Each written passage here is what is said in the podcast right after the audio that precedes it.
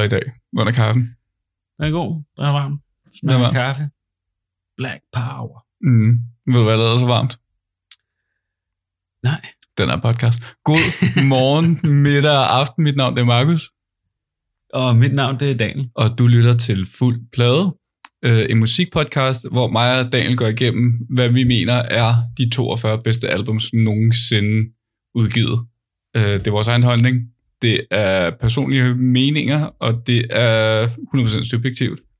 Øh, og hvis du ikke er enig, så kan du buy it, use it, break it, fix it, trash it, change it, mail, upgrade it, charge it, point it, zoom it, press it, snap it, work it, quick erase it, write it, cut it, paste it, save it, load it, check it, quick rewrite it, plug it, play it, burn it, rip it, drag it, drop it, zip, unzip it, log it, fill it, call it, find it, view it, code it, jam, unlock it, surf it, scroll it, pause it, click it, cross it, crack it, switch, update it, name it, read it, tune it, print it, scan it, send it, fax, rename it, touch it, bring it, pay it, watch it, turn it, leave it, stop, format it.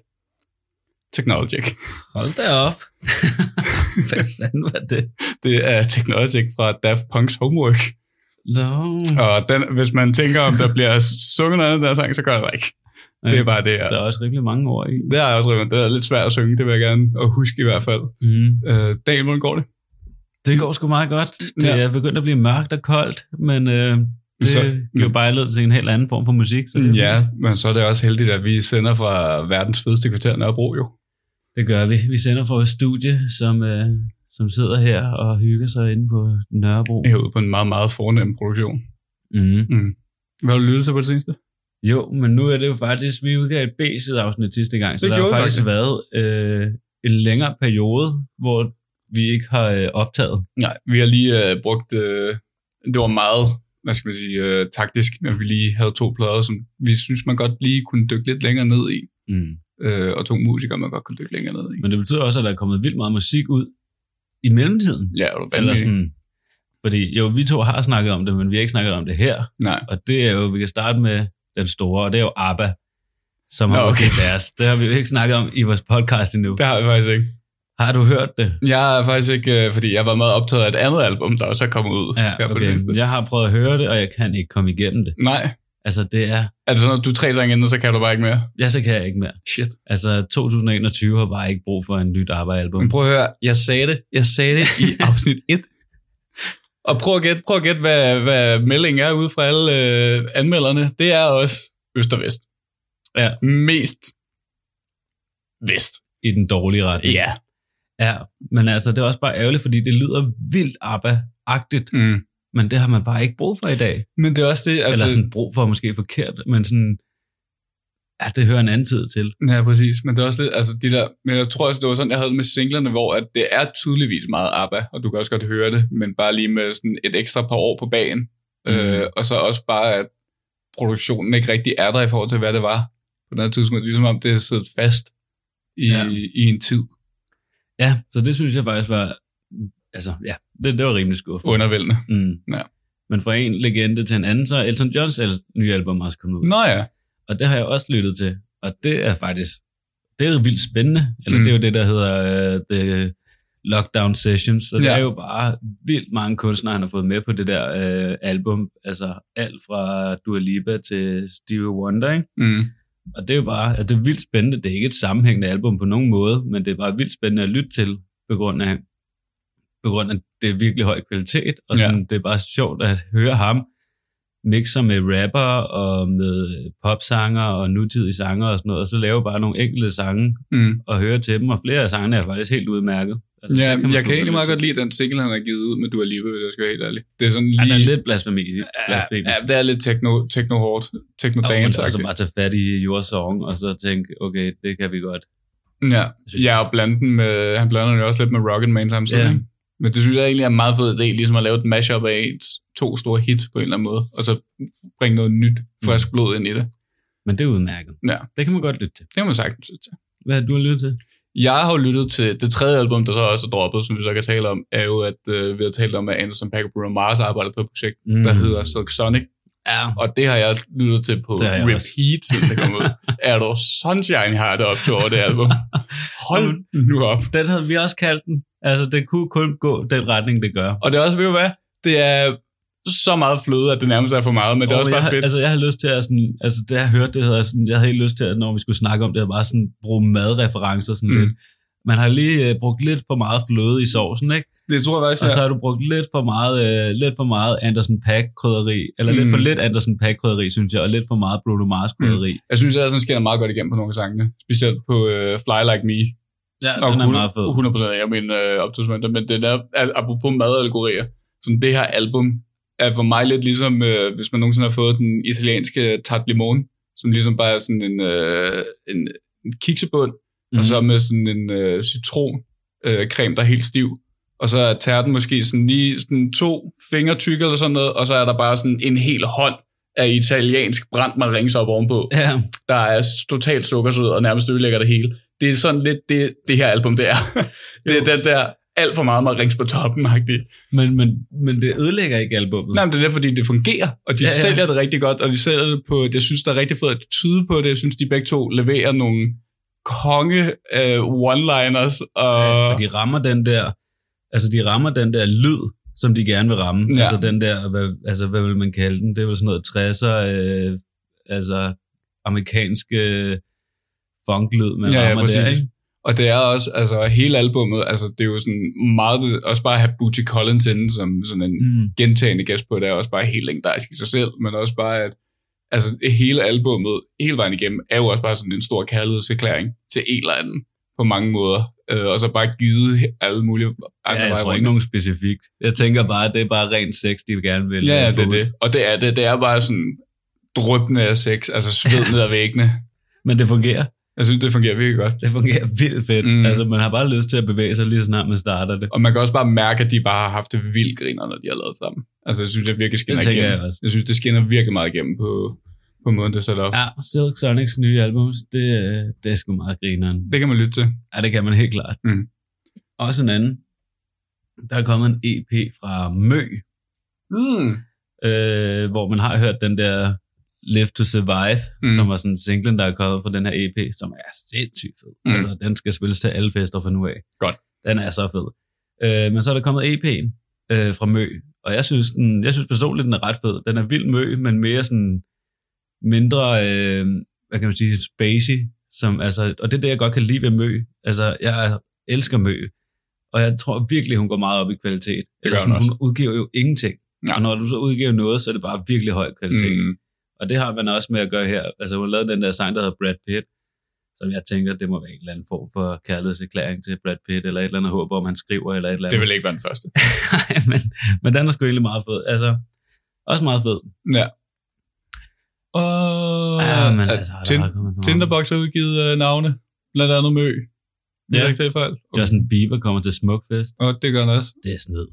Ikke fordi jeg er stor Justin Bieber-fan, men vi er jo Roskilde-gængere, så Mm. han skal da komme på Roskilde, ikke på Smukfest. Ja, det er rigtigt nok. Altså Smukfest, altså jeg havde også en dis- altså, diskussion med en her forleden, og det er det der med, jeg føler virkelig, at Smukfest har overtaget navnene, og Roskilde nu, Mm. de brander sig stadig på, at det er de små navne, ukendt og sådan noget, det er Ja. rigtigt nok, men så de store, der, har vi bare, der er der bare ikke nogen på Roskilde. Nej, nej, nej. Altså Smukfest har allerede Lionel Richie, Gorillaz, oh, Justin Bieber, øh, Herbie Hancock, altså sådan, der kommer Hancock?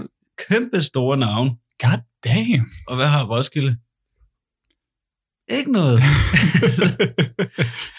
øh, du er Liba igen? ja, altså, der er godt I nok guess. langt. Ja, ja, hold da. Nå, Daniel, skal vi, ikke, øh, skal vi starte med at tale om noget musik? Skal vi i gang? Har vi snakket for meget? Øh, Øh. nej, altså vi er ni minutter inde, ikke? Men Det er også for meget. Folk skal høre noget musik. Okay, godt. Vi er jo på afsnit 9. Det er faktisk også... Øh, er det et jubilæumsafsnit? Hvis man, tæller, hvis, 10. hvis man tæller B-siderne med, så er det et jubilæumsafsnit. Det er 10 ja. Afsnit. Så er vi på 8. afsnit. Muy bien. Fedt. Øh, og som jeg sagde sidste gang, vi skal lytte til noget soul. Rigtig lækker soul. Ja. Øh, og så har jeg taget noget jazz med. Øh, en af de store, store jazzmusikere, for at sige lidt frem. En, nok en af de største øh, saxofonister, der findes i, øh, i jazzen. John Coltrane. Øh, og vi skal selvfølgelig tale om Giant Steps, som er hans album fra 1960, som nok er en af de mest øh, notoriske og infamøse, som det også hedder, Mhm. øh, sange i jazzen. og i nyere jazz. Det bliver spændende. Du ja. har fået et jazzalbum med. Ja, altså så bare lige hurtigt, inden vi sådan hopper alt for langt ind i det. Nu skal jeg lige åbne en bog her på den rigtige side. Øh, altså Code, det er udgivet 60. Øh, Coltrane her er saxofonist og komp- komponist. Det er ham, der har komponeret alle sangene, vi kommer til at lytte i dag. Øh, han spillede både alto, sopran og tenor, øh, og var meget inspireret af Charlie Parker, som kom før ham, som også var mm. øh, blæser. Øh, og så har han jo også spillet, altså han har spillet med Miles Davis øh, yeah. på Kind of Blue blandt andet. Han har mm. spillet sammen med Thelonious Monk, som også er en af de store komponister, og øh, øh, øh, øh, pianister i jazzen, og så også øh, Duke Ellington, og så altså mange flere, mange flere. Han er et stort navn. Han er et kæmpe navn. Øh, men når det så også, altså man kan nærmest ikke kun udenom at tale om John Coltrane, og udenom at tale om den her blad Giant Steps, uden at tale om titelsangen Giant Steps.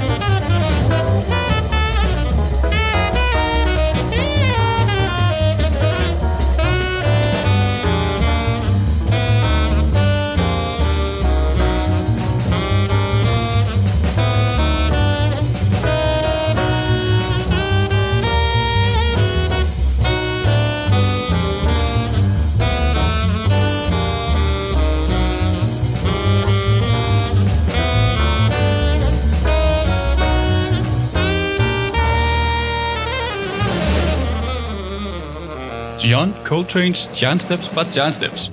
Så hører vi til noget jazz. Så er der, altså, så er der gang i jazzen.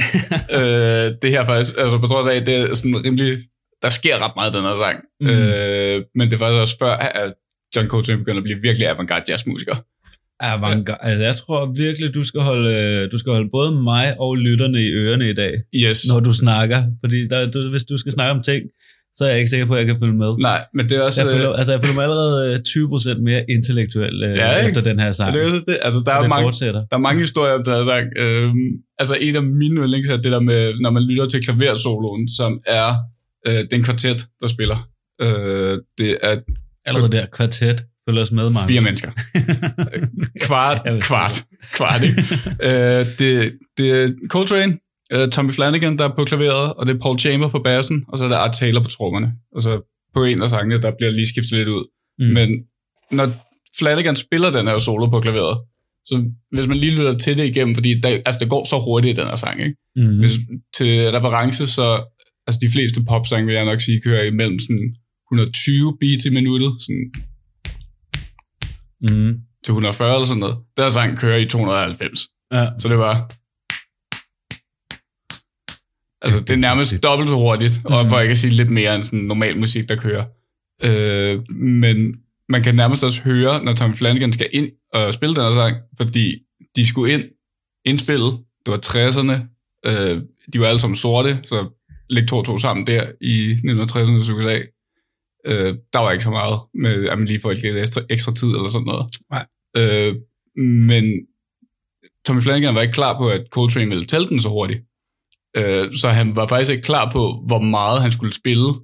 Fordi, fordi, Hvor hurtigt han skulle spille. Ja, og hvor hurtigt han skulle spille, fordi sangen er ret teknisk, hvilket jeg nok skal prøve at gå igennem på en meget hurtig og sådan nem måde Mm. øh, lige om lidt.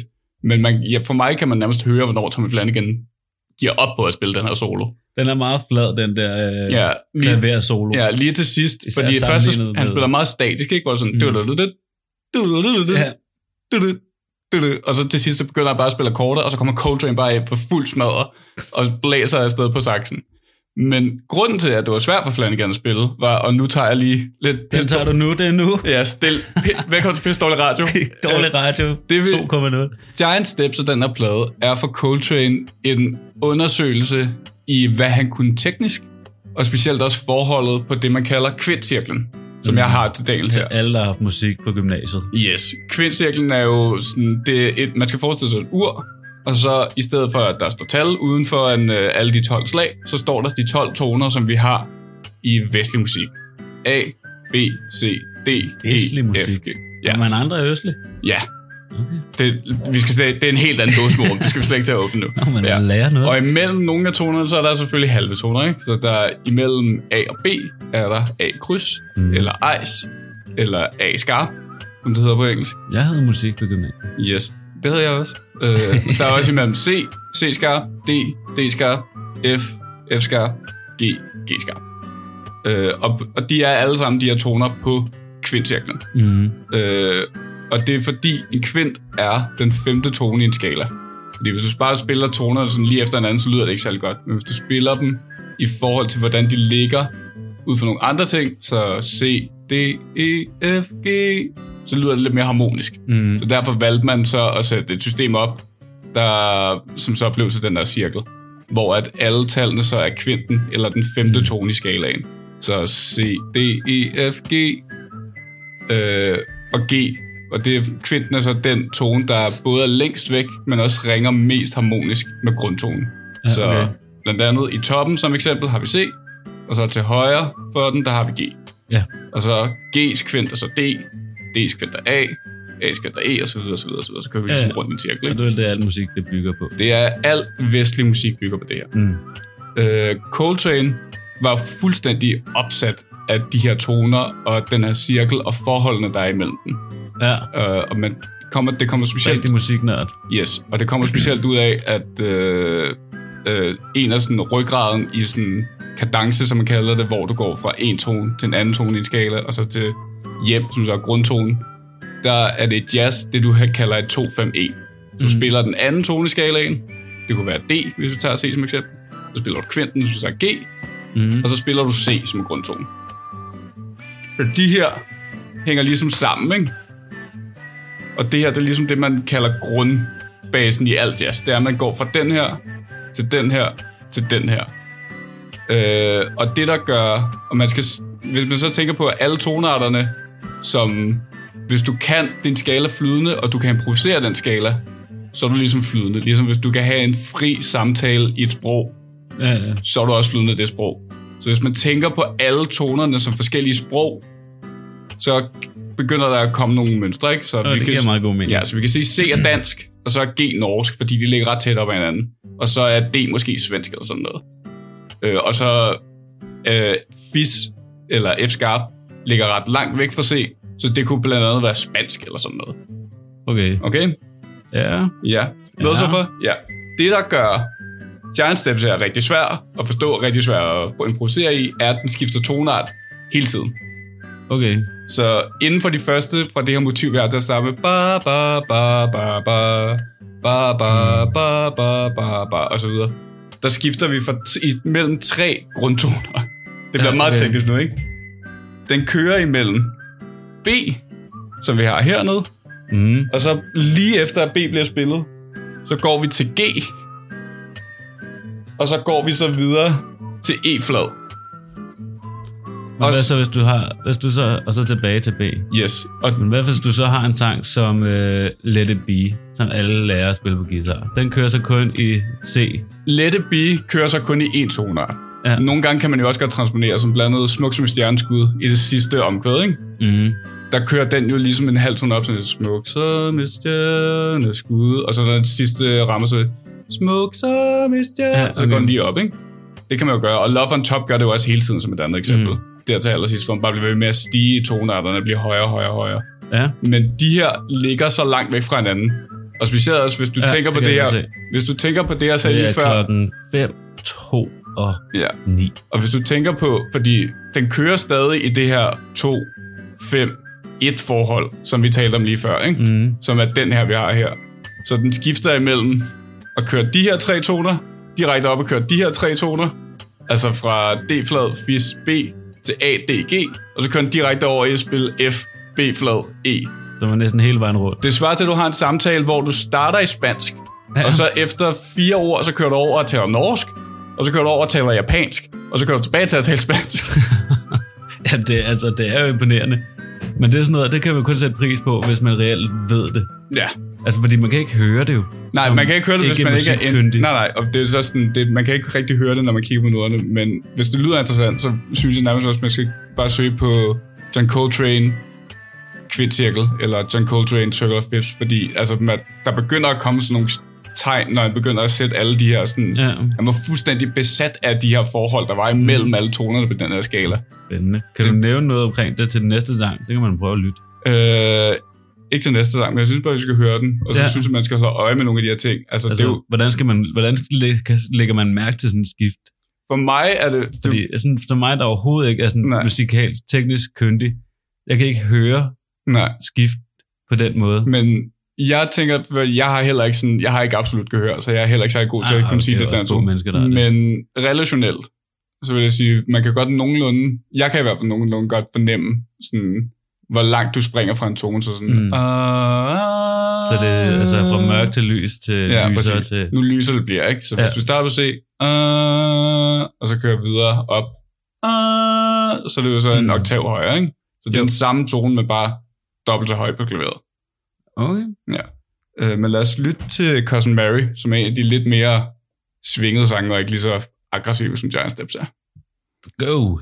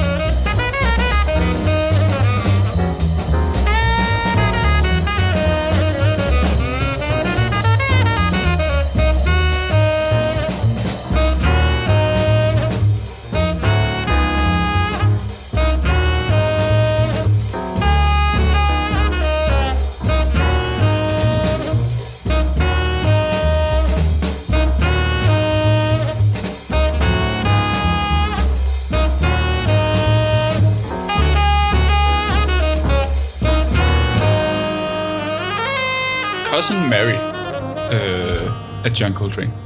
Ja. Ja. Super lækker, meget stille sang, ikke?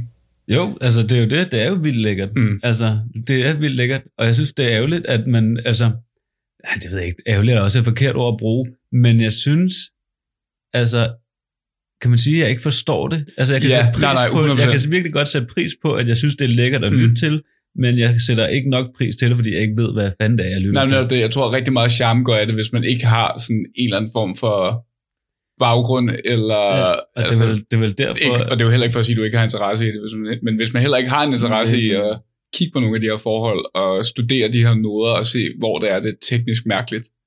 Mm. så der er helt klart noget, der går af det. Men det er nok også derfor, at man stadig ser, altså der er stadig den der idé om, at jazz er sådan lidt for de finere, Mm. i de finere kulturer. Og det er det ikke? også. Og det er også, altså det jeg også vil, jeg skal nok stoppe musikteamen nu, men altså, Nej, jeg Det synes, er- det er meget sjovt. men det jeg gerne vil lige, altså det der også er med specielt sangen, vi spillede lige før Giant Steps, er jo sådan, at den i, i jazz, og det der med, når man kommer ud og er en ny jazzmusiker, og lige er Mm. blevet uddannet på Berkeley, eller hvor fanden man nu vælger at tage sin uddannelse hen, er det her jo ligesom, altså den sang i sig selv, er jo sådan en manddomsprøve for rigtig mange unge jazzmusikere. ja. Fordi at de her skift, du laver hele tiden, som er blevet døbt The Cold Train Changes, ja. altså Coltrane-skiftene, er så hammerende besværlige at bevæge sig i, at det er lidt en manddomsprøve for sådan, hvis du kan improvisere over den her sang, korrekt, Mm. eller ikke korrekt, men sådan, uden at det lyder af helvedes til. Og så kan jeg forestille mig ekstra imponerende på en saxofon. Ja, og så også er ikke saxofon, det nemmeste at spille Ja. på. Men også, altså hvis det ikke, altså hvis man ikke var interesseret med det, så Coltrane har faktisk en meget sjov historie, synes jeg, så det er måske også bare lige hurtigt at sige, ja. altså, altså han, han blev født øh, tilbage, og så i en meget ung alder, meget kort med en måneds mellemrum mellem hinanden, der døde hans far, og hans moster, og hans øh, oldmor, Da eller var barn, eller bedstemor, ja, altså da han var ung, 11 eller sådan hvad? noget. Øh, så han endte med at bare have sin mor øh, at være ved, øh, som så købte him, ham hans første horn, og så går det nogle år, og så melder Coltrane sig ind i flåden i 45, Ja. Mm. øh, for at undgå at komme ned til Japan. Altså hvis man havde valgt sig ind i hæren, så ville han blive sendt til Japan, Mm. hvor de lige havde øh, bombet Hiroshima og sådan nogle ting. Øh, kom i flåden, og endte med at spille, tog sit horn med, og endte med at spille med den station, han var på, øh, swingorkester Ja. fordi de så, at han godt kunne spille. Øh, men fordi at han var sort, og det var et helt hvidt band, øh, og han ikke havde en musikerrank eller musikerlicens i på stationen, så måtte han reelt ikke spille, så de sagde altid, at han var gæsteperformer, selvom Nå, man så okay. endte med at lede det der orkester til sidst. Ikke? ja, fedt. Øh, og der er også, altså, han trænede jo også virkelig meget, og øvede sig virkelig, virkelig meget. Der er en historie, var, at de, øh, efter han var kommet ud af flåden og var begyndt at øh, turnere rundt sammen med Jimmy Heath, tror jeg det var, øh, der fik han på et tidspunkt klage fra et hotel, de boede på, over at han larmede for meget, fordi han blev ved med at sidde og spille på sin saxofon. Mm. Så han endte med at lade være med at blæse hornet, men så stadig øve sig ved, med bare at sidde med fingrene Ja, på det. Fordi han havde så meget sådan visuelt styr på de ting, han skulle kunne. Ikke? klart. Så på den måde øvede han sig også der. Og så blev det jo hans stil at spille, altså som man har hørt på de her to sange nu, bare spille et, et hav af noter, mm. virkelig hurtigt inden for, hvor det er. Ikke? Men det er det, han spiller skalaer op og ned, og op og ned, og op og ned, og bevæger sig i det. Øh, Det sgu meget spændende. ja. Øh, men det er sjovt, fordi jeg så laver så mærke til, eller sådan, det er ikke meget John Coltrane, jeg, det er ikke meget jazz, jeg har hørt, men det er sjovt, fordi jeg har en jazzblad, og det er jo sådan den, man skal have, eller sådan, det er, den, det er Miles Davis. Kind of Blue, Kind of Blue, Davis, ikke? ja. Den, altså, det er jo bare sådan, at man har fået at vide, og hvis du har en LP-afspiller, så skal du bare have den. Ja, ja, ja. Den skal du have stående, ellers så har du ikke en Men det er jo også, ikke? og det er også det, altså det bedst sælgende og mest anerkendte jazzalbum nogensinde. Ja, og det er jo også altså voldsomt lækkert, mm. eller sådan, det kan jeg sagtens finde på at sætte på, og så bare nyde det, og det vil jeg også sagtens kunne med det her, og så Mm. bare have det i baggrunden. For mig er det sådan baggrundsmusik. ja. Øh, og det er jo sjovt, fordi det lagde jeg også, også mærke til, at det var ham, der han er jo med på alle sangene på det Ja, ja, album. det, på det album, der er det Miles, og så er det Coltrane, og så mener jeg det er Ellington. Ja, det passer nok meget godt. jeg er ret sikker på, det er Ellington. Det kan godt være, det er Parker, men jeg er Mm. faktisk lidt usikker på det. Øh, men det er også det, og der kan man også tydeligt høre, hvem det er, der spiller på hvert fald tidspunkt, fordi de jo også har sådan meget deres ikoniske stil at spille på. Ikke? Når Coltrane Ja. kommer ind, kommer der det her note har sådan, og når Miles kommer ind, er det lidt mere cool og lidt mere, Mm. lidt mere, men jeg vil også give, for mig er jazz jo også meget mere sådan, altså det tekniske er en ting, men det er sådan lidt, jeg føler ikke, man behøver at være en teknisk god musiker for at være en god musiker, hvis man bare har følelsen med. Mm. Men for mig har jazz altid været lyden af byen på mange måder. Ja, Øh, der er jeg- vildt meget, det tænker jeg faktisk. Det er på, rigtig meget- New det- York The hustle and the bustle ja, of det the street. Det tænker jeg også meget på, da jeg lytter til det Ja. her. Sådan lidt, der er helt sådan en New Yorker vibe over Ja, ja, det. det der med at gå igennem sådan, øh, altså, gå igennem nogle af Københavns gader, og så høre lidt Ja. jazz på, det passer mig så godt. Det er totalt også Ja. novemberstemning. Jamen, jeg er helt med, helt med. Der Ja. var jeg også, når jeg gik og lyttede til det. Ja. Øh, skal vi ikke lytte til en sang til? Jo, jo. Jeg synes, vi skal lytte til Sway. Sweater Songflute, som jo er en sang, han har skrevet til sin, eller komponeret til sin datter. Der hedder Sweater. Spændende.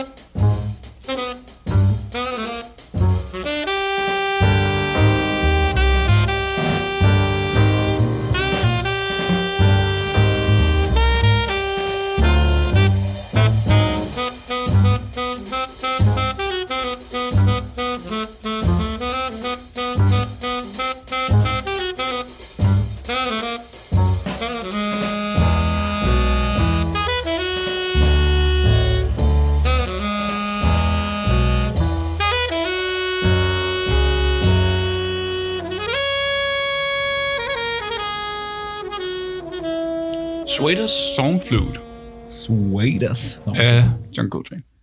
Det er jo lækkert nok. Man kan, ikke, man kan ikke lade være med at svinge Ja. lidt med foden og knipse lidt og være helt jazzet i det. Det er også lidt det, det her, der kommer en af de øh, gode, der kan man ligesom lytte til, hvordan det er, Joe Kate, øh, Coltrane ligesom holder lidt tilbage, Mm. og holder sig til et gammelt tip, Thelonious Monk, som er en pianist, som man spillede med meget tidligt på et tidspunkt, lavede engang sådan 25 tips, øh, som han gav videre til en anden musiker, der ikke Ja. var Coltrane.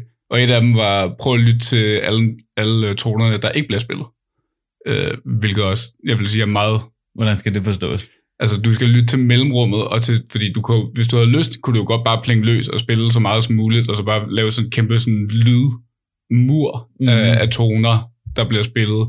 Men her er der jo meget mellemrum mellem det, så meget bop, bum, bop, bum. Ja. Altså, ikke? Så Ja, det det er også, og det giver jo også lidt en følelse af musikken, og giver lidt mere til det, så det ikke bare er sådan en konstant larm, som du har i en 5. klasse eller et eller andet. ja. Jeg tror igen, det er noget, man lægger mærke til, hvis man er musikkyndig. Altså, jeg kan, Måske. godt, jeg, kan godt her, jeg kan godt lidt høre, hvad du mener, Mm. men så samtidig overhovedet ikke. Nej, det er det. Altså, sådan, men, men altså, og så samtidig overhovedet ikke, fordi jeg aner ikke, hvad altså sådan, lyden imellem, nej, jeg ved ikke, altså jeg kan ikke regne ud, hvad fanden det skulle være for en lyd, der måske skulle have været Men det er jo netop det, fordi det er jo ikke så meget, hvad der skulle være der, eller ikke skulle være der, men hvad der ikke er der. Ja, ja. Og der er et pusterum i musikken, ikke? Mm. Det er jo det, der er det vigtige.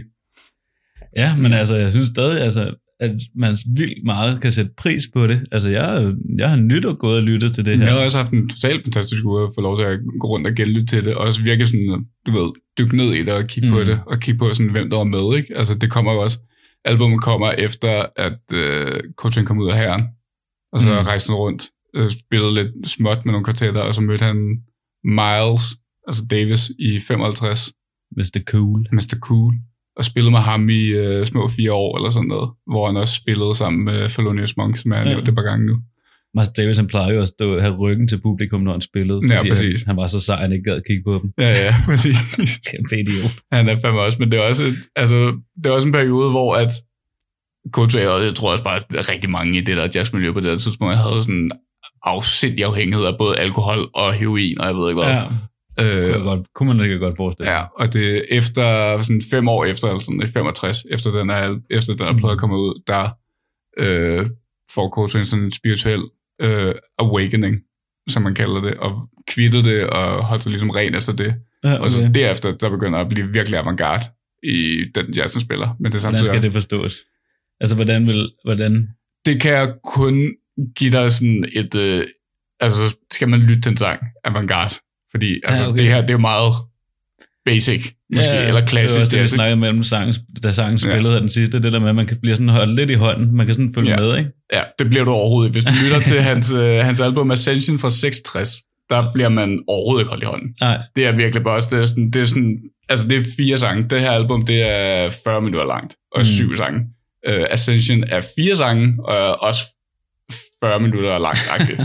Og den første sang er 19 minutter lang, Åh, oh, shit. øh, og starter med 6 minutters, altså horn Mm. orgie, eller hvad man skal kalde det for, hvor det nærmest, det lyder som helvedes, eller engle, der falder ned. Det giver ligesom meget, altså det, på en eller anden måde giver det meget godt den her, hvad skal man sige, billede af det, sangen hedder.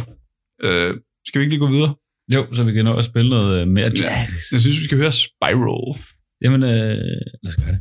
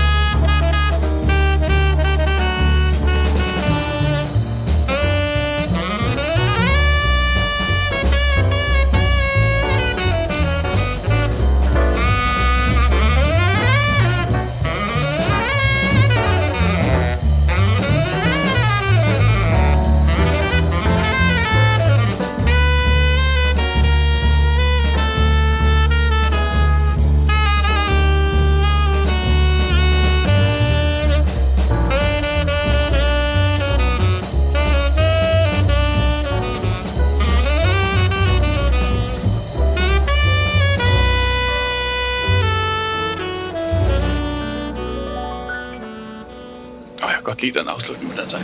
Jamen, jeg skulle lige til at sige det, som om alle, altså, alle sangene slutter virkelig lækkert af. Sådan Mm. uh. Men det er det. Jeg føler også, det er også det, altså på trods af, øh, og jeg sad og hørte et interview, som øh, Coltrane gav, hvor han også netop, som jeg sagde til at starte med, at det her album var meget sådan hans udforskning af, hvad han kunne teknisk og sådan noget, men jeg synes stadig, han viser, hvor meget mm. følelse han kan lægge ind i det, han laver samtidig. Så det er ikke bare sådan, nu skal jeg bare lige være teknisk musiker. Han gør ligesom også sit arbejde for at være, Ja. Du ved, have følelserne med i musikken, ikke? Jeg synes altid, at jeg har hørt, at jazz, det er, sådan, det er jo også meget improvisivt musik. Ja. Eller sådan, Og det, det det er- om, og det er jo sådan, jamen det er jo, handler jo bare om at være så teknisk dygtig, at du kan det, ikke? Ja, det er det, ikke? Det er jo igen, så kom, altså det, som jeg også sagde med kvintejakken, hvis man tænder på alle tonarterne og skalaerne som sprog, er det jo Mm. ligesom, hvis du er flydende i, i din skala, Ja, ja. så er det ligesom det, der handler om, ikke? Og det er jo også, det er komponeret ud fra, at Coltrane ligesom bare skulle bruge nogle standarder. Men skriver han så, altså skriver han ned, hvad han gerne vil spille, eller... Han har komponeret sådan, så basen på øh, bas og øh, temaerne på saxofon. Mm. Øh, han skrev ned, og så han, altså hvad for nogle akkorder, som øh, pianisten skal spille, og bassen skal spille. Mm. Øh, og så har han bare givet nogle frirum til at improvisere over, og det er jo også det, der er her. Det er derfor, igen, det der med, at øh, pianosoloen går lidt galt i Giant Steps, Ja. var det jo også, det var det første take, øh, så det var den første optagelse, de lavede, men alle de andre optagelser, som de lavede, som man kan lytte på nogle af remasterne af Giant Steps, der er sådan 57 eller sådan noget. Mm. Men der er ikke nogen af dem, der går, fordi de bare Ja, okay. fucker op på et eller andet tidspunkt i Det løbet af det. stærkt. Er det ikke bare ærgerligt? Øh, men altså, altså Coltrane døde jo i... En sjov fact, som jeg sagde til dig, inden vi startede, Coltrane døde i 67 Mm. øh, af leverkræft, og sikkert også heroinmisbrug og alt det andet. Har nok også hjulpet lidt på det, skulle jeg til at sige. Øh, men i 82, der blev han jo kanoniseret som en helgen i den afrikanske ortodoxe kirke. Ja, det giver jeg. Det Så han- er han- er det ikke vanvittigt? Det betyde? Det- Altså, hvad det- betyder Det er jo ligesom, at, øh, det er jo ligesom, at man i kristendom på en eller anden tidspunkt valgte at sige, jamen Johannes er jo sådan en helgen, Ja, og så skriver vi bare ham ind i Bibelen. hvorfor ham? Fordi han var en stor musiker, han var, han var en stor kæmper for miljøet, og specielt efter 65, hvor han havde den her øh, spirituelle sådan, genopståelse, eller hvad man, hvad man skal kalde det for, øh, der blev han jo også meget religiøs. Øh, så jeg Mm. tror bare, de tog ham ind for ligesom at vise respekt til ham på en eller anden måde. Ikke? Nå, Øh. det er for mærkeligt. Jamen, det er sindssygt, at man kan, det er sindssygt, at man kan gøre det, men det viser også bare sådan lidt, hvor meget en effekt han har haft på rigtig mange mennesker. Ikke? Jo, jo, Og helt sikkert. Øh, og så skal jeg jo så også, altså, vi spiller lige den sidste sang, men hvis man ellers skal dykke ned i det, inden han døde, så skrev han en liste med, det her det er officielt, ligesom at han blev skrevet ind i kirken, så skrev han ned, sådan, det her det er officielt de 25 albums, jeg har. Så det er ligesom Nå, okay. godkendt. Hans, øh, hans, Det er hans liste. Albums- Hvis han hans skulle liste. sige, det her det er min diskografi, Ja. så valgte han de her 25 albums. Men reelt har han jo optaget 45 ja. og optrådt på 59, altså som ikke Mm. indspiller ham. Og han blev 40 år gammel. ja, det er meget godt Ja, klaret. do, do the math. Ja, han har haft travlt. Det er abstrakt, men altså jeg vil sige, hvis man, hvis man kunne lide det, hvis man synes, det var spændende, og hvis man gerne vil lytte lidt mere til det, så synes jeg, My Favorite Things er et meget fedt album. Jeg synes også, Mm. uh, Love Supreme er et rigtig, rigtig lækkert album. Og så, øh, altså ellers måske prøv Ascension, men det er meget avantgarde. Mm. Jeg kunne ikke rigtig komme igennem Hvem det. hvis, altså, Og ellers ikke, kan, ikke John Coltrane. uh, Miles Davis Kind of Blue, som vi har talt om, Ja, super lækker. Uh, og det, jeg sagde, det var Ellington, det er det ikke. Det er John Adderley, mm. mm. der er den anden, uh, anden saxofonist på det Ja. album. Også noget, jeg aldrig har brugt nok. Altså, Copenhagen Jazz Festival Ja. er jo vildt lækkert. Altså, Ja, når man har været, det. altså, gå, altså, selvom man ikke kan lide jazz, så er det jo bare vildt lækkert, og jeg har ikke brugt det nok, men så har man måske lige været et sted, for eksempel nede på apoteket, Ja, eller sådan noget, ikke? og set noget jazz, det er jo bare lækkert. Jeg går ind til det, det, der er altid noget lækkert, men det er sådan noget, man bare lige kan sidde og lytte til og Mm. sådan, føle sig lidt i det.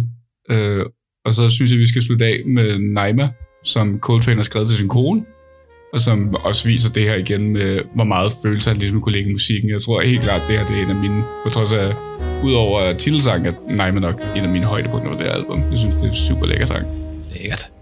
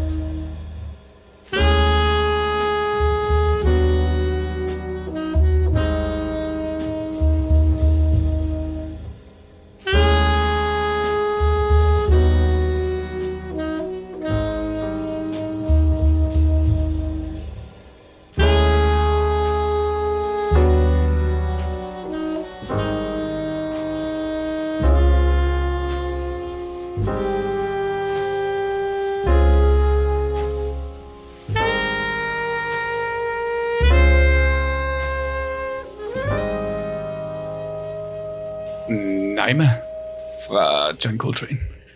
Det var sgu meget lækkert. Det kan et eller andet, kan det ikke? Ja.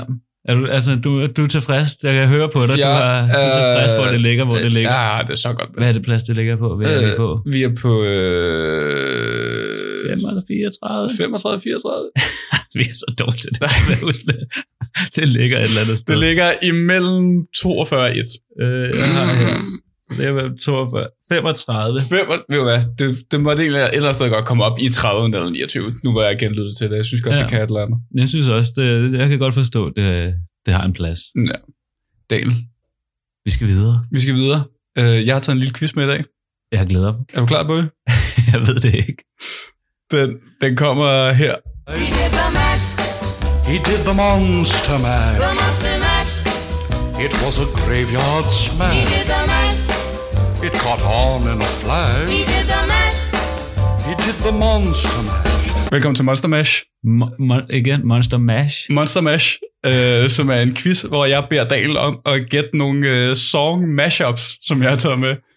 Ved du, hvad et mashup er, Daniel? Ja, det er vel, øh, hvor man har blandet to sange. Yes. Et mashup er, hvor man tager en sang, øh, og tager et element fra en sang, og mixer det med et element fra en anden sang.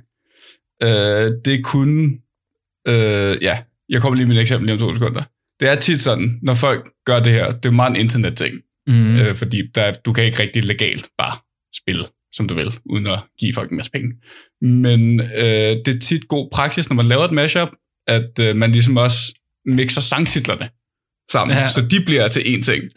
øh, så det kunne blandt andet være, at man spillede, man tog øh, Carly Rae Jepsen's Call Maybe,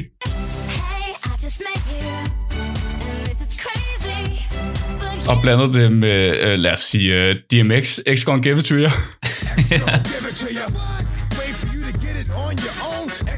Ja, det bliver så til... Og det bliver så, Og så blander man så Maybe. sang. Ja, det, det bliver så til, i det her tilfælde kunne det jo blive til øh, X Gonna Give It To You Maybe.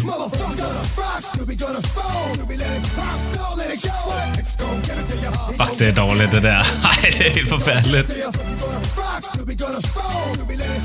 Det fungerer overhovedet Og ikke. det, det er jo så det, ikke? Så nogle gange fungerer det ubehageligt godt, og nogle ikke- gange, som i det her tilfælde, så fungerer det ikke særlig godt. Men Daniel, øh, quizzen jeg så har med til dig her, er, Det er svært. at øh, du skal gætte øh, sangtitlen. Så jeg giver dig to sange, Ja. Øh, Jeg giver dig et mashup af to sange. Øh, Hvis du ikke kan øh, sang, sangene og sangtitlerne på forhånd, så skal jeg nok også fortælle dig, hvad sangtitlerne er. Okay. Og så skal du gætte, hvad mashup-titlerne er.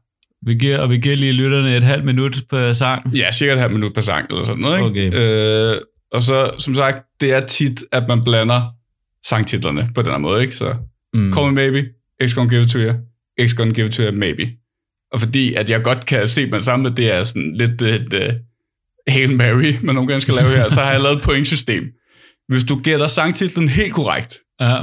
Og så med lidt leeway, jeg vil gerne give en lille smule leeway, som jeg har gjort på nogle af dem, øh, så får du to point.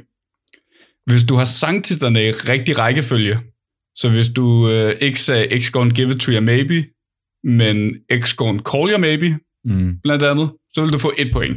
Ja. Fordi så er det stadig den rigtige rækkefølge af sangtitler.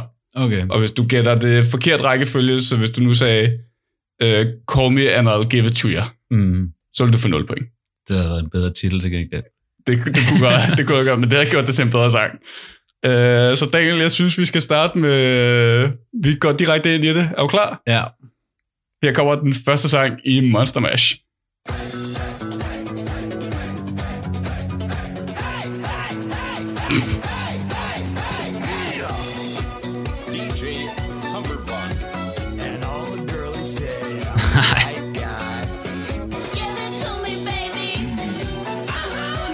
Kan du mærke, hvad for nogle sange der er nu?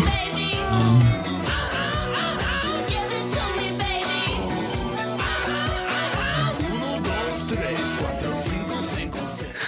det fungerer meget godt. Ja, okay. Så her, hvis man ikke, hvis man ikke kunne nævne det, så er Pretty det fly for a white guy. Pretty Fly, pretty, pretty, Pretty fly, fry. Pretty Fly for a White Guy Altså- med The Offspring, og så er det Boney M's Rasputin. Så hvis du skulle lave et mashup af de sangtitler, hvad skulle det så være? Pretty Fly for øh, Rasputin. Pretty Fly for Rasputin? Ja. Øh, Daniel, du er off to en strong start, det er fuldstændig det, den hedder. Ej, det er to gode sange. Det er nemlig to ret gode sange. Ja, på Stærk. det er nok noget af det dummeste musik, man kan lytte Jamen, til. det er fandme fedt. Det, det er virkelig fedt. Det er virkelig, virkelig fedt. Stærkt. Godt arbejde, mand. Ja, tak. To point. To point lige ud af døren. Øh, næste sang her, den bliver måske lidt sværere, Listen up, y'all, cause this hvis is du kan genkende den her. the beat that I'm banging is delicious. Okay, så vi har noget Nicki Minaj her. Anaconda. Det er det. Nicki Minaj og Anaconda, og hvad er den anden? Ja, men det er jo... Øh, Just definition, make them boys go what? loco. Så fik vi lige Fergalicious. Med Fergie. So you can see me, you can't squeeze me. I got reasons why I tease them. Boys just come and go like seasons. Fergalicious. Så det er Fergalicious med Fergie, og så er det Anaconda med Nicki Minaj. Det bliver en dum til lige meget, hvordan jeg vender den. Ja, det, det, det er også det her er det lidt problem, hvor at sangtitlen er et ord. Så nu er Øh. spørger spørgsmålet, hvad for, hvordan du vil mixe de to ord sammen. Eller hvordan du, hvad for en rækkefølge du putter de ord i, er det måske også. Jeg siger Anal Analicious. Analicious? Ja. Det, der må jeg desværre sige, det er 0 point, Daniel. det her, det er Fergalicious Anaconda. Fergalicious Anaconda. Så min Anaconda er Fergalicious. Ej, lort. Men det er, ellers, det, er, det er en af dem, hvor man tænker sådan, det kunne godt bare have været sang normalt. Det kunne godt bare have været sang normalt. Kunne det det? Måske. Jeg synes, beatet fungerer meget godt til sangteksten i hvert fald. Kan man høre lidt af den igen? Kan vi lige komme tilbage? just to watch what I got. So delicious. Ja, det, det er rigtigt. Det kunne det godt være. Ja, det fungerer sgu meget godt. Det kan fungere Ja, ikke meget, det fungerer meget godt. Okay, så det, du er stadig på to point, Daniel, ud af fire. Øh, næste sang. Det her det er jo en af mine all-time favorites. Øh, Mashups. Ja, det, der kommer nu. Ja. Øh, hvordan har du det med Avicii? Øh, ja, jo. Kan du huske den sang, jeg lavede med Allo Black? Nej. Lad os, lad os lige høre den, så kan det være, du kan genkende den. Okay, jo, jo. Ja, ja. Du kan godt genkende den. ja, det kan jeg godt. You know that song? Hvad er det, den hedder? Så synes du skal synge med. Er du klar? Jeg skal ikke synge med. Det her, det er jo en... not so long ago. Er det Tenacious D, vi kører her?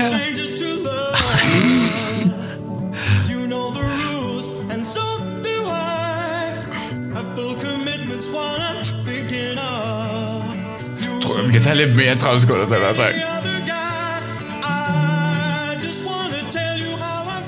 Never Gonna Give You Up. Og, Sammen øh, med uh, Wake Me Up med Avicii. Away. Ja, det den hedder. So wake me up. Åh. sådan. Forfærdelig sang. Øh, Wake Me Up hed den. Og Wake Me Up. Den ene sang, uh, Rick Astley's. Never Gonna Give You Up, og så er det Avicii's Wake Me Up. Never Gonna Wake Me Up. Det er næsten korrekt. Uh, men jeg vil gerne give dig den, fordi det er Never Gonna Wake You Up. Og det giver jo ikke mening. Jo, jeg kommer aldrig til at vække dig. Ja, ja, det er meget sjovt, men I får, jo Wake Me I får lige uh, omkvædet her, hvis man ikke lige... Never gonna give you up, never gonna let you down, never gonna run around and desert you, never gonna make you cry Så du har lige uh, Rick-rollet alle vores lyttere. Det kunne man godt kalde det. Uh, jeg kan jo bare godt lide den sang. Uh, men jeg, vil, jeg, vil, er jeg, vil faktisk gerne, jeg vil gerne give dig to point på den der. Det, synes, jeg, Yes. lige, det synes jeg lige er tæt nok på, til man godt kan. uh, det er også, der begynder den lige at mixe uh, titlerne lidt meget sammen på det tidspunkt. Mm. Uh, men all time favorite for mig. Jeg kan også sige, at, uh, hvad hedder den? At Sleaford Monster har lavet uh, I Get Knocked Down, Mm. But I Get Up Again, You Never Gonna... Den kommer også ind her. Så der er faktisk tre sange, der er blandet. Oh, shit. Ja. Uh, Og, dag, altså, det, noget af det fungerer. Den her, ah, ej, jeg synes, den fungerer. Jeg synes, den fungerer rigtig jeg godt. har hørt en, der med 50 Cent og Stayin' Alive, In The Club og Stayin' Alive. Mm. Den er fed. Apropos uh, rap og 80'er hits. er du klar på en ny en? ja. Det er jo klassiker, det er, ikke? Så har vi noget aha. Er noget Aha med Take On Me. Okay. Det her, det skal jeg lige høre. Det skal du lige mærke, ikke? Det her, det bliver spændende. My Hold mind. kæft, det er dumt. Det fungerer overhovedet ikke. Jo, det fungerer så godt. Nej. So I can fuck the world for 72 hours. Damn, I'm feeling amazing. Damn, I'm in the matrix. Ej. Jeg ved ikke, hvem det er mest synd for. Og 100% for Kendrick Lamar. Det er synd for Kendrick Jeg, jeg Lamar. synes, det her mashup kan noget virkelig, virkelig godt. Ej, du tager alt for meget væk fra... Godt. Okay, det er selvfølgelig Backseat Freestyle med Kendrick Lamar. Øh, og Take on me. Take on me, hvad jeg har. Hvad er mashup-titlen? Take on me in the backseat. Take on me in the backseat. det er ikke helt korrekt. Nej, Den hedder bare Take on Backseat. take on back... Ah, Take on Backseat. Så det, synes, det, men det er en var rigtig bedre. rækkefølge. ja, Så du får et point. jeg synes, mit, øh, min var bedre. Mm, Gør den lidt øh, varm. ja, den er Lidt lidt, lakrids. Lidt lakrids. Der, det giver i hvert fald lidt mere mening end bare at sige, tag på bagsædet. øh, nå, Daniel, næste sang. Øh, det er to sange, du ikke kender. Men jeg kunne nærmest ikke lade være med at have den med, fordi jeg synes, det kan et eller andet. Okay. Det her, det er... Lad os lige høre den. How many shrimps do you have to eat before you make your skin turn pink? Eat too much and you'll get sick. Shrimps are pretty rich. Into the flame, into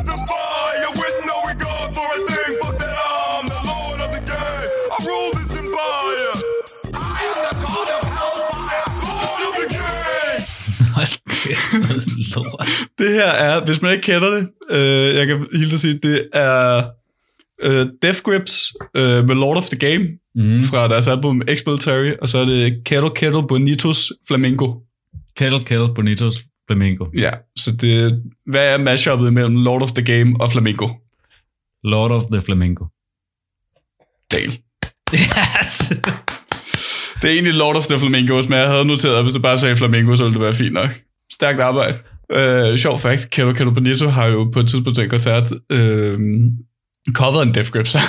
Nå, Så så... man tænker måske, det er lidt langt væk fra hinanden, men det er faktisk tættere på, end man lige tænker. Øh, lad os tage en til. Hvor mange har du tilbage? Jeg har to tilbage, Okay. så bare roligt. Der er 14 point i alt, og du er på 7, så det går egentlig meget godt. Yes. Øh, her er en til med lidt øh, kort titler. Er det en, du kender? Ja. Også en favorit fra min side af, skulle jeg sige.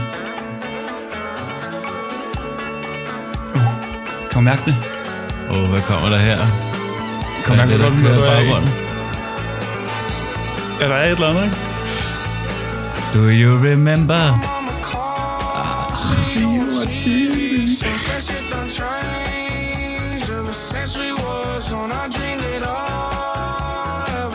The Post Malone. Det er noget på sådan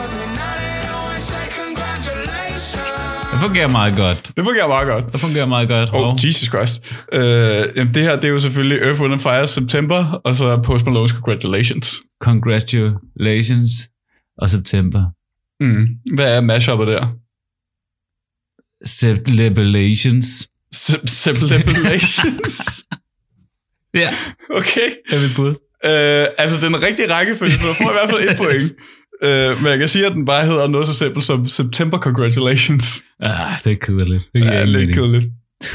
Godt. Daniel, sidste sang i quizzen. Øh, er du klar? Mm. Her kommer den. Det er to sange, du godt kender, tror jeg. Ja, den kender jeg ikke, den her. Åh, oh, må ikke, Ej, jeg den kender er. Wonderwall. Men kender du den nu?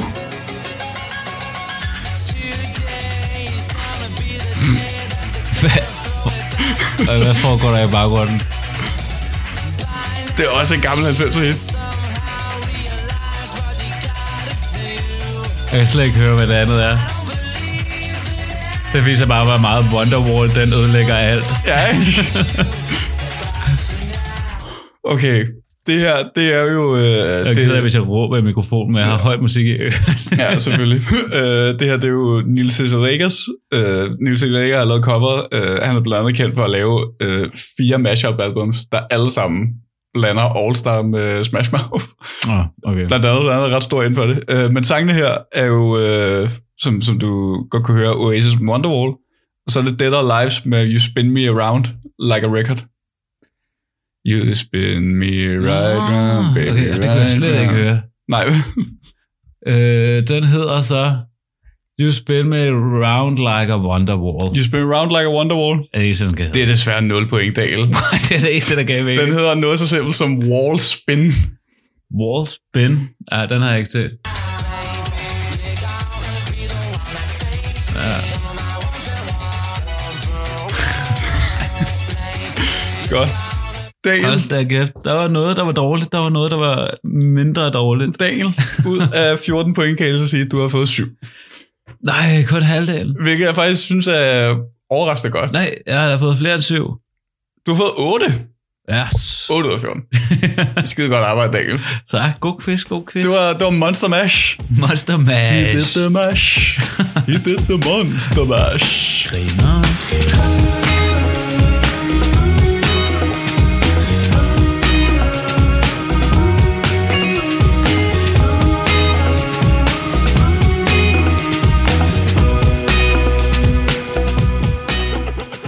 Vi er tilbage, Daniel. Ja, vi skal jo videre i teksten. Yes, ovenpå øh, at jeg har afspillet det bedste musik, vi nogensinde har haft med at komme her med på. Så skal vi videre i teksten. I, I alt øh, seriøsitet fra en klassiker ud af 10 til en anden klassiker ud af 10. Ja, vi skal jo faktisk til øh, min nummer 35. Ja, Og det er jo faktisk det, det album, der er kåret til det bedste album, der nogensinde er lavet. Mm. Ifølge Rolling Stones top 500 albums. ja. Som er jo, altså, det er jo nok det mest, øh, hvad kan man sige, godkendte liste. Vi har Ja. ja. snakket om den. Vi har været inde over den flere Ja. gange, ikke? Det er lige blevet ændret. Ja, den er faktisk lige blevet ændret, og nu Faktisk. ligger det her album nummer et. Nå, det ligger nummer et nu. Ja, ja, før der var det Bob Dylan. Oh, nej, nej, det var sangene. Nej, ja, ja, ja, Ja. præcis. Men det her ligger nummer et. Det ligger stadig nummer et. Mm. Okay, jeg mente ellers, det lige var blevet tre, men det var sangen, vi talte om selvfølgelig. Ja, så det er jo et af de album, ligesom The White Album, mm. et af de album, man bare skal have med. Ja. Øhm, og det er Marvin Gaye med What's Going On Mm. fra 1971. Så det er faktisk også 50 års jubilæum i år. Ja, det var altså rigtigt. Ja. Men det er jo et uh, fuldstændig legendarisk album, Klassiker. og det ligger jo nummer et på den liste, fordi det har haft så stor historisk betydning, samtidig med, at det lyder vildt lækkert. Ja. Og jeg synes bare, at vi skal gå i gang med en sang, så vi kan nå at spille noget masse musik. Ja, og vi godt. starter med titelnummeret What's Going On.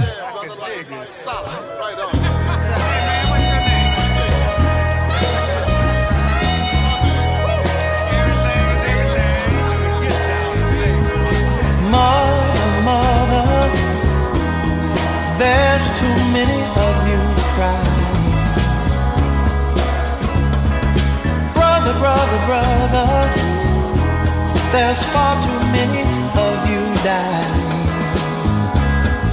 You know we've got to find a way to bring some love here today. Yeah. Father, Father, we don't need to escalate.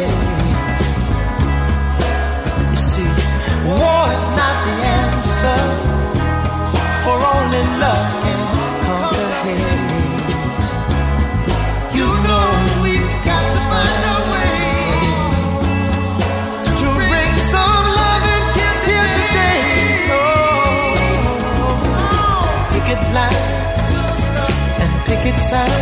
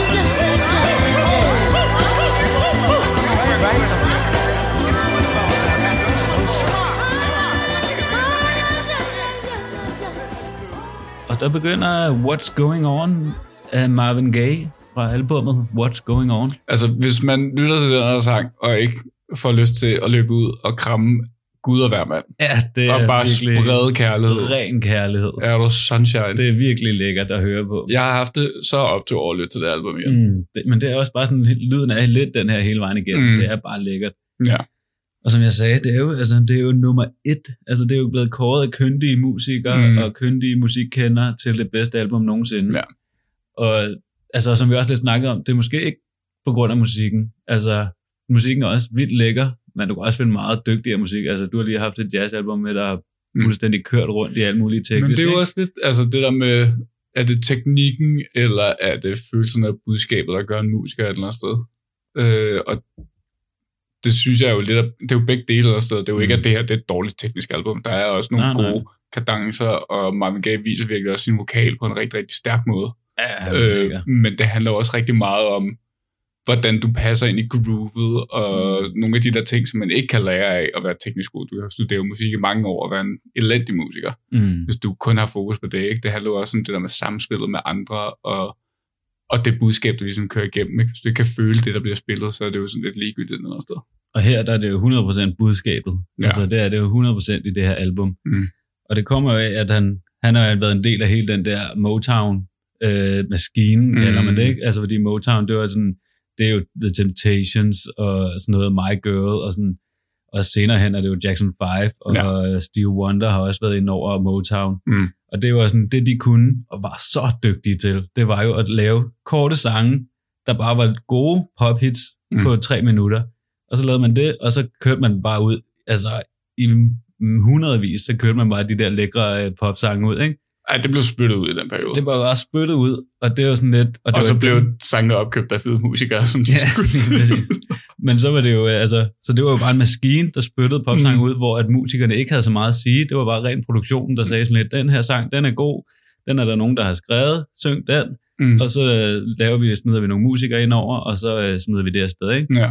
Og så kommer Marvin Gaye, og så siger sådan lidt, er blevet træt af det her, og så laver han What's Going On, Ja. Øh, efter at han har været en del af Motown-maskinen. Mm. Og det kommer så også i en periode, hvor at han er vildt deprimeret og er vildt træt af det hele. Hans øh, bror er lige kommet hjem fra krig, altså fra Vietnamkrigen.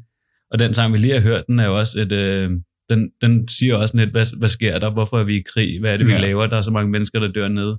Så det er jo et svar til Vietnamkrigen. Ja, ja, bror, der er for mange af der dør, og mødre, der er for mange af der græder. Ikke? Det er jo også Ja, ja. lige præcis den ånd. Lige præcis. Og det er det, der er, og det er derfor, at den her, det her album det er så betydningsfuldt, på grund af, at det er det første sådan, hele album, som er så samfundskritisk. Mm. Altså, som bare siger rent ud, hvad er det, der sker. Ja. Og det kommer af en person, som er en stor stjerne på allerede det her tidspunkt, ikke? som bare siger sådan lidt, hey, hvad er det, der foregår i sin musik? Så Mm. siger han, ren og skær, der er noget galt, ikke? Ja. Og det har man aldrig set før, rigtigt på det her tidspunkt. Og der er han den første, altså, der kommer ud og gør det, ikke? Mm. Og det er jo det, der er så vildt, og det er jo derfor, det ligger nummer et på Rolling Stones. Det er jo fordi, det har haft så stor betydning. Ja. Og jeg synes også, det er en meget velfortjent plads. Ja, Øh, helt sikkert. ja. Og det er jo fordi, som jeg sagde, hans bror kommer hjem fra krig, fra Vietnamkrigen, og han hører om, hvor forfærdeligt det er. Mm. Og så samtidig så er hans partner fra Motown-tiden, hun er lige død af kræft, så Nå. han er nede i en kæmpe depression. Ja. Og sådan, hvordan skal han finde sig selv? Og så laver han så What's Going On, ikke? Fordi han har bare brug for, at jamen, jeg skal sige noget med min musik, ikke? Ja. Og så laver han det her. Men den anden del af det, det er jo også, det er vildt, altså, hvad kan man sige, religiøst album. Jo, jo. Det ser man også, og det var jo heller ikke så tilset dengang, at man taler så meget om Gud, eller så åben om Gud. Ja. Og normalt så er jeg heller ikke så meget til det, og det er egentlig heller ikke øh, på de sange, der er meget her. Og det er også den næste, vi skal høre, som er Holy Holy. Og den har du taget med. Den har jeg taget med, fordi Jeg den, synes godt, det kan et eller andet i hvert fald. jamen, den har en god lyd, Mm. hvor nogle af de andre, sådan, synes jeg godt kan blive lidt for kedelige, Ja. og lidt for meget Gud er stor, ikke? ja. Lad os, lige, lad os høre det, så kan vi lige tale lidt mere om det. Holy, holy. Come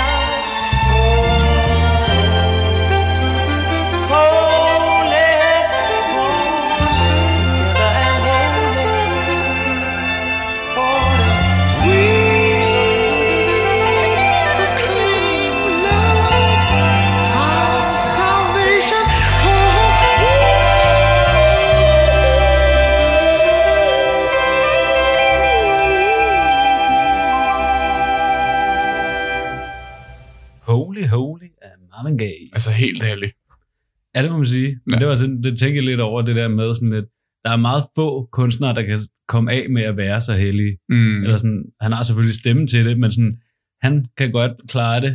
Uh, Michael Jackson er jo også nogle gange alt for sukkersød heldig i nogle mm. af hans sange, ikke? Altså sådan, Nå, men jeg tror også, man, man undervurderer meget specielt i amerikansk musik, at religion fylder øh, både enten Mm. meget eksplicit og meget implicit. Altså, det er jo også selv kunstnere, der er, i deres musik måske ikke er særlig heldige, taler også om sådan, om, altså Missy Elliott gør det jo også rigtig meget på sine blader, mm, og specielt i bookletterne takker hun jo også Gud for, for at hun er her i sin musik og sådan noget, så altså, det er jo, ja, ja. det fylder meget.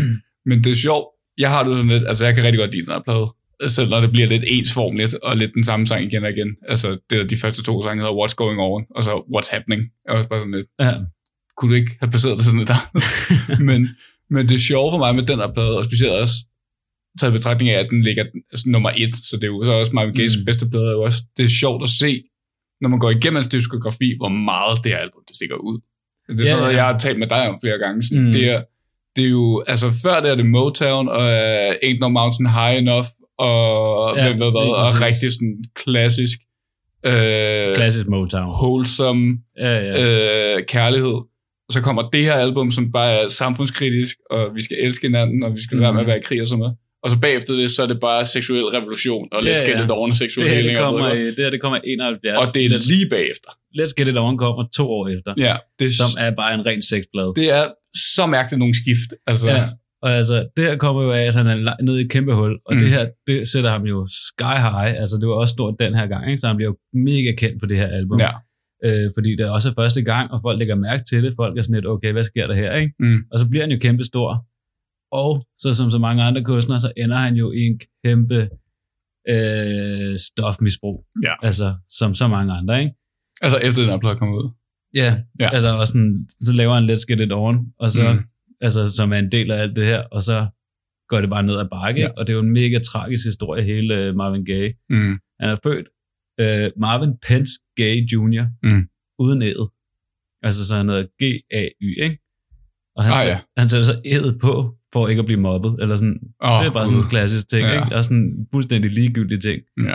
Øh, men han laver uh, What's Going On, og så bliver han stor, og så begynder altså det er bare en tragisk historie i hele Mm. hans liv, altså, fordi han laver og bliver kæmpe stor, Let's Get It On, legendarisk plade også, og så ender han bare med at blive så langt nede, og ender med at starte være fuldstændig et hul, og der er ikke noget at Ja. ja. hente, og ender så med at blive hjulpet af en eller anden kammerat, som ender med at tage ham langt ud på landet. Nej, det er ikke engang en kammerat, det er en, han ikke kender, det er en eller anden fremmed, der bare tror så vildt meget på Marvin Gaye, fordi han øh, sådan, håber på, at han kan blive stor igen, ikke? Mm.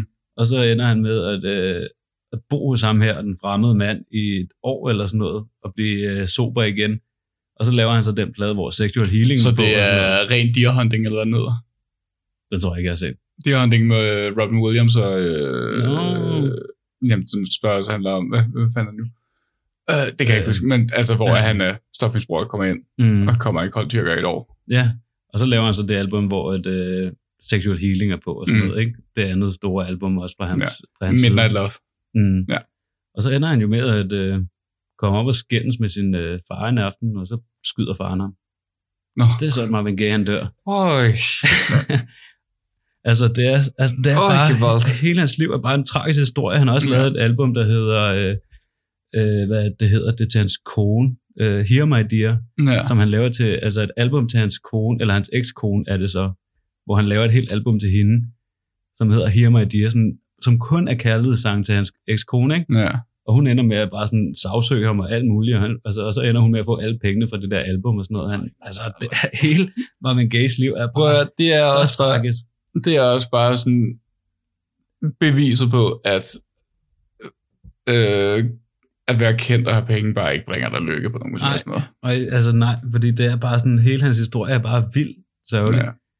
Ja. Ja. Øh, men altså, lad os høre den næste sang, som er mere. What's Happening Brother, som du snakkede om, som lyder meget som What's Going On. What's happening, brother? Ja, men altså, hvor What's Going On er meget en sang omkring øh, Vietnamkrigen, eller sådan Mm. direkte, øh, og så What's Going On, det er mere en kritisk sang omkring, What's happening, brother? ja, What's Happening, altså sådan, altså politivold og fattige vilkår ja. i der, hvor han bor og sådan noget, ikke? Mm. Altså sådan, det er igen en meget samfundskritisk øh, sang. Put it on.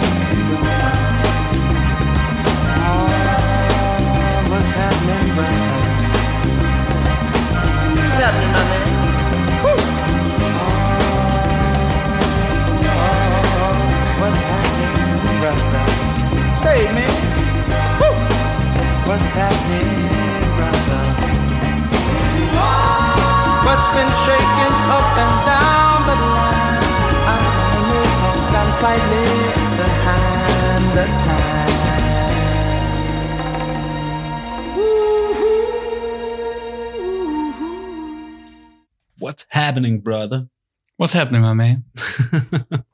Ej, det kan jeg et eller andet. Jamen, det var den der lækre lyd. Mm. Altså, altså Men det er også det, altså på trods af, det der, som du så siger med, at det jo ikke ligger der på, fordi det er et godt album, men mere fordi det er så indflydelsesrigt for så mange, må jeg så også, altså nærmest modargumentere det at sige, specielt når man hører sådan en sang, men også bare når man hører What's Going On, eller Mm. mm. Inner City Blues, som jeg også kommer til at lytte til inden for alt for længe. Altså det er vanvittigt, hvor meget de ting, som der er blevet, som han synger om her på det album for 50 år siden, stadig er virkelig relevante. Og fuldstændig. virkelig, virkelig, altså en ting er at have sådan et billede og et blik på zeitgeisten og hvad der foregår lige nu, som både jeg har haft og sådan noget, men en anden ting er også bare at have det der, og så samtidig have det 50 år frem i tiden. Ja, det, altså det, ja, som sagt, det blev lavet i 71, og der, der snakker han om politivold.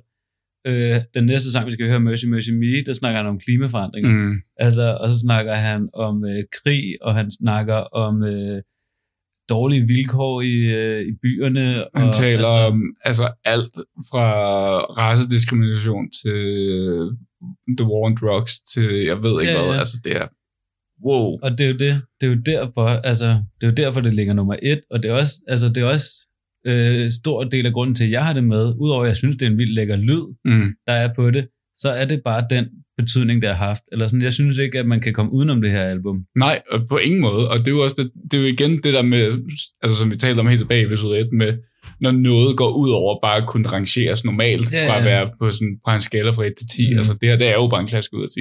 Uden, Ja, Og det er måske også den største klassiker ud af 10 på mange måder.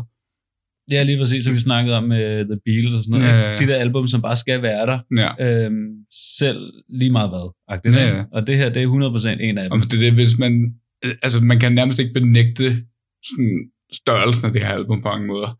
Og hvis man så, altså bare man er lidt ind i musikken på en eller anden måde, ikke? Mm. Og jo, det er også det, jeg sagde til dig, nu hvor jeg har gennemlyttet det her det sidste stykke tid, og hørt om det og sådan noget. Det, altså, hold, hvor er der virkelig mange album, som på min liste, som ikke vil være der uden det her album. Nej, præcis, Eller på grund af, det er det, der starter det der med, at det er okay at sige noget imod, og det er okay at have sine egne personlige meninger mm. i, sin, uh, i sin album og sådan noget. Ikke? Ja.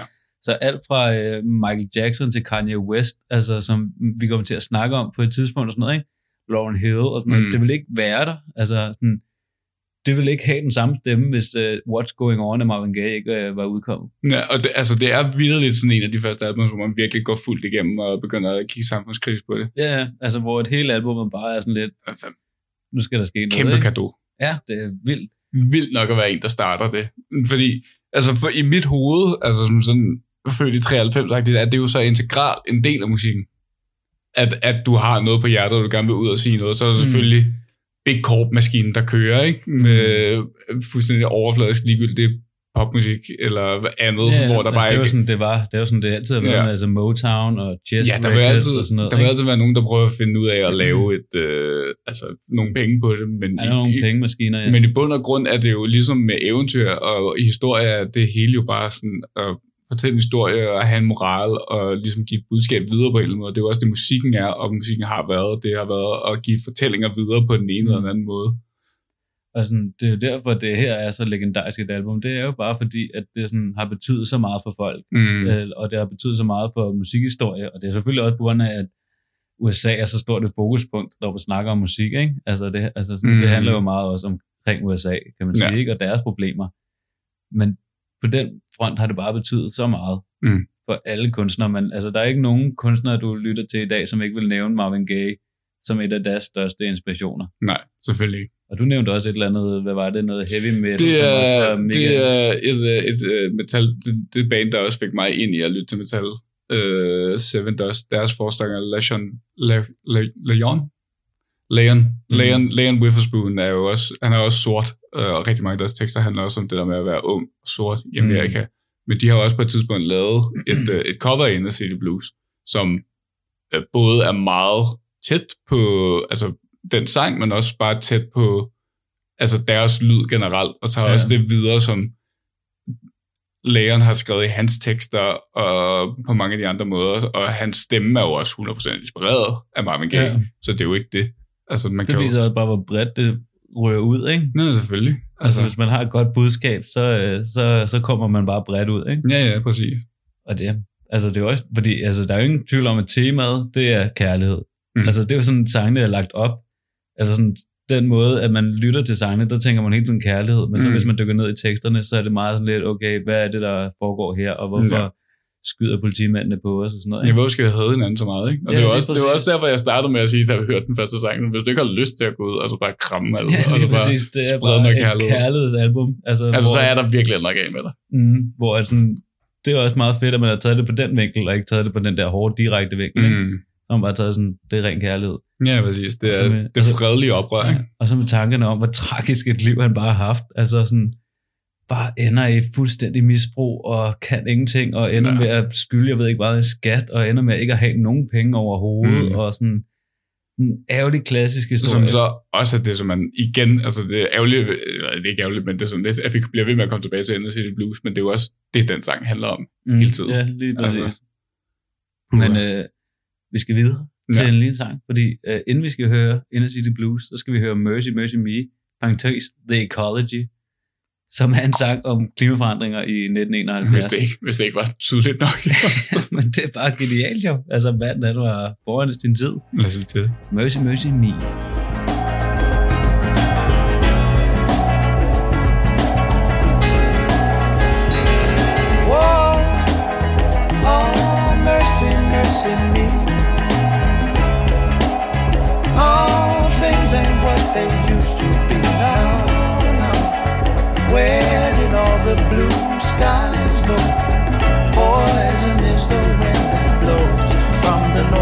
East.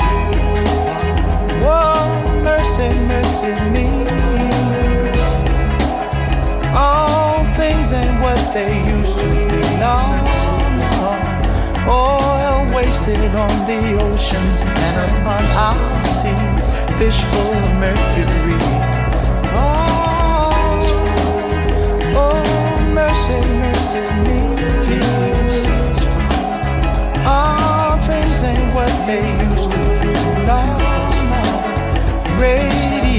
Radiation underground and in the sky.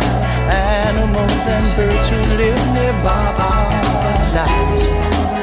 Oh, mercy, mercy me. All things ain't what they used to be. What about this overcrowded land? How much more abuse from men? Can't you stand that?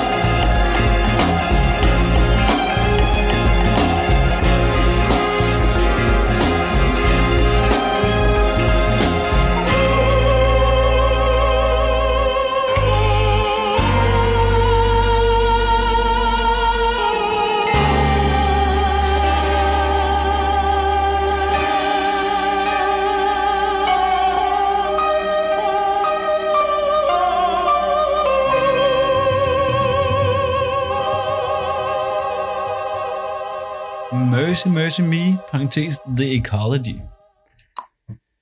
Ja, men det er også sådan lidt, altså jeg synes også, man kunne blive ved med at hive ting frem omkring Marvin Gaye, men jeg føler også, man ikke, altså jeg føler også, jeg ikke rigtig har lyst til det, lidt ligesom man havde lidt æresfrygt i forhold Mm. til uh, The White Album, Ja, ja, ja. eller sådan, jeg synes, men det er også fordi, jeg føler, med Marvin Gaye, der taler musikken så meget for sig selv. Ja, man behøver nærmest ikke sige noget et eller andet sted, ikke? Nej, og de senere album, som vi også har snakket om, uh, Let's Get It On og sådan noget, som bare bliver ren sex, Mm. altså på den tykke klinge, ikke? Ja, præcis. Altså, det, det er også det, vi har snakket om. Hvad, hvad, hvad foregår der så også der, ikke? Altså, hvorfor Jamen, det skifter var- man? Det er så mærkeligt, altså, men det er også fordi, det er så radikalt et skift sådan hurtigt. Det er nærmest som, man bare lige tog sådan... Altså, han kører ned ad motorvejen, og så bare lige en detur, og Ja. kører tilbage på motorvejen bagefter. Men sådan den større motorvej, så af en eller anden grad. Mm. Og det, altså, det er 100% noget at gøre med hele, hvordan hans liv er, og så samtidig med, hvordan musikindustrien er. Ja, 100 Altså, sådan, okay, du skal lave nogle penge, sex sælger. mm. gå ud og lave et øh, album, der handler om sex, så skal du nok... Øh, Ja, og hvis, Gør noget. altså, prøv at, hvis man så ender i et øh, stofmisbrug eller andet sted, og alle de der dårlige ting sådan lidt falder ud i baggrunden, fordi man er høj på, på hvad det nu er. Altså, mm. prøv at, hvis du har lyst til at bruge stoffer og gøre det sikkert, så altså, lev dit fucking liv. Jeg ved ikke, hvad jeg skal sige. men, det er bare, det er sjovt at lave et album, der er så vigtigt, både for samfundet, men også Mm. for, for musikken i sig selv, og så bare gå tilbage til at lave det, som man lavede før, men skruet op til 11, ikke? jo, Altså, det, det passer så mærkeligt. Det er så mærkeligt. Det er den mærkeligste diskografi. Det her album gør Marvin Gaye's diskografi til den mærkeligste, der findes.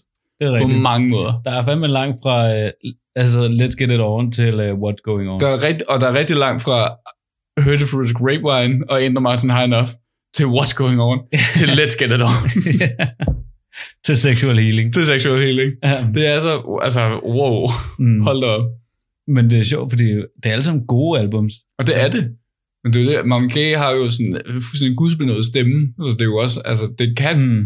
alt sammen et eller andet til hvilket som helst mood, du er i. Altså, det er jo det, det, det her, ikke? Og jeg må så også sige, det er ligesom jeg sagde med, at sådan, jazzen meget var lyden af byen for mig, så er det her album også 100% lyden af byen, Ja. på mange måder, men med lidt mere sådan stemme og med lidt mere kritik sat ind i det, ikke? Jazzen er meget sådan det overfladiske, sådan, når du bare kigger på byen, og sådan, du lige skal have sådan the hustle and the bustle Ja. fra, fra gaderne, og sådan den lille Det her det er meget lyden af samfundet i byen. det er det er meget lyden af sådan, når du begynder at kigge på det med kikkerten, og kigge på sådan, okay, der ligger også en alkoholiker på hjørnet, og Ja. ja.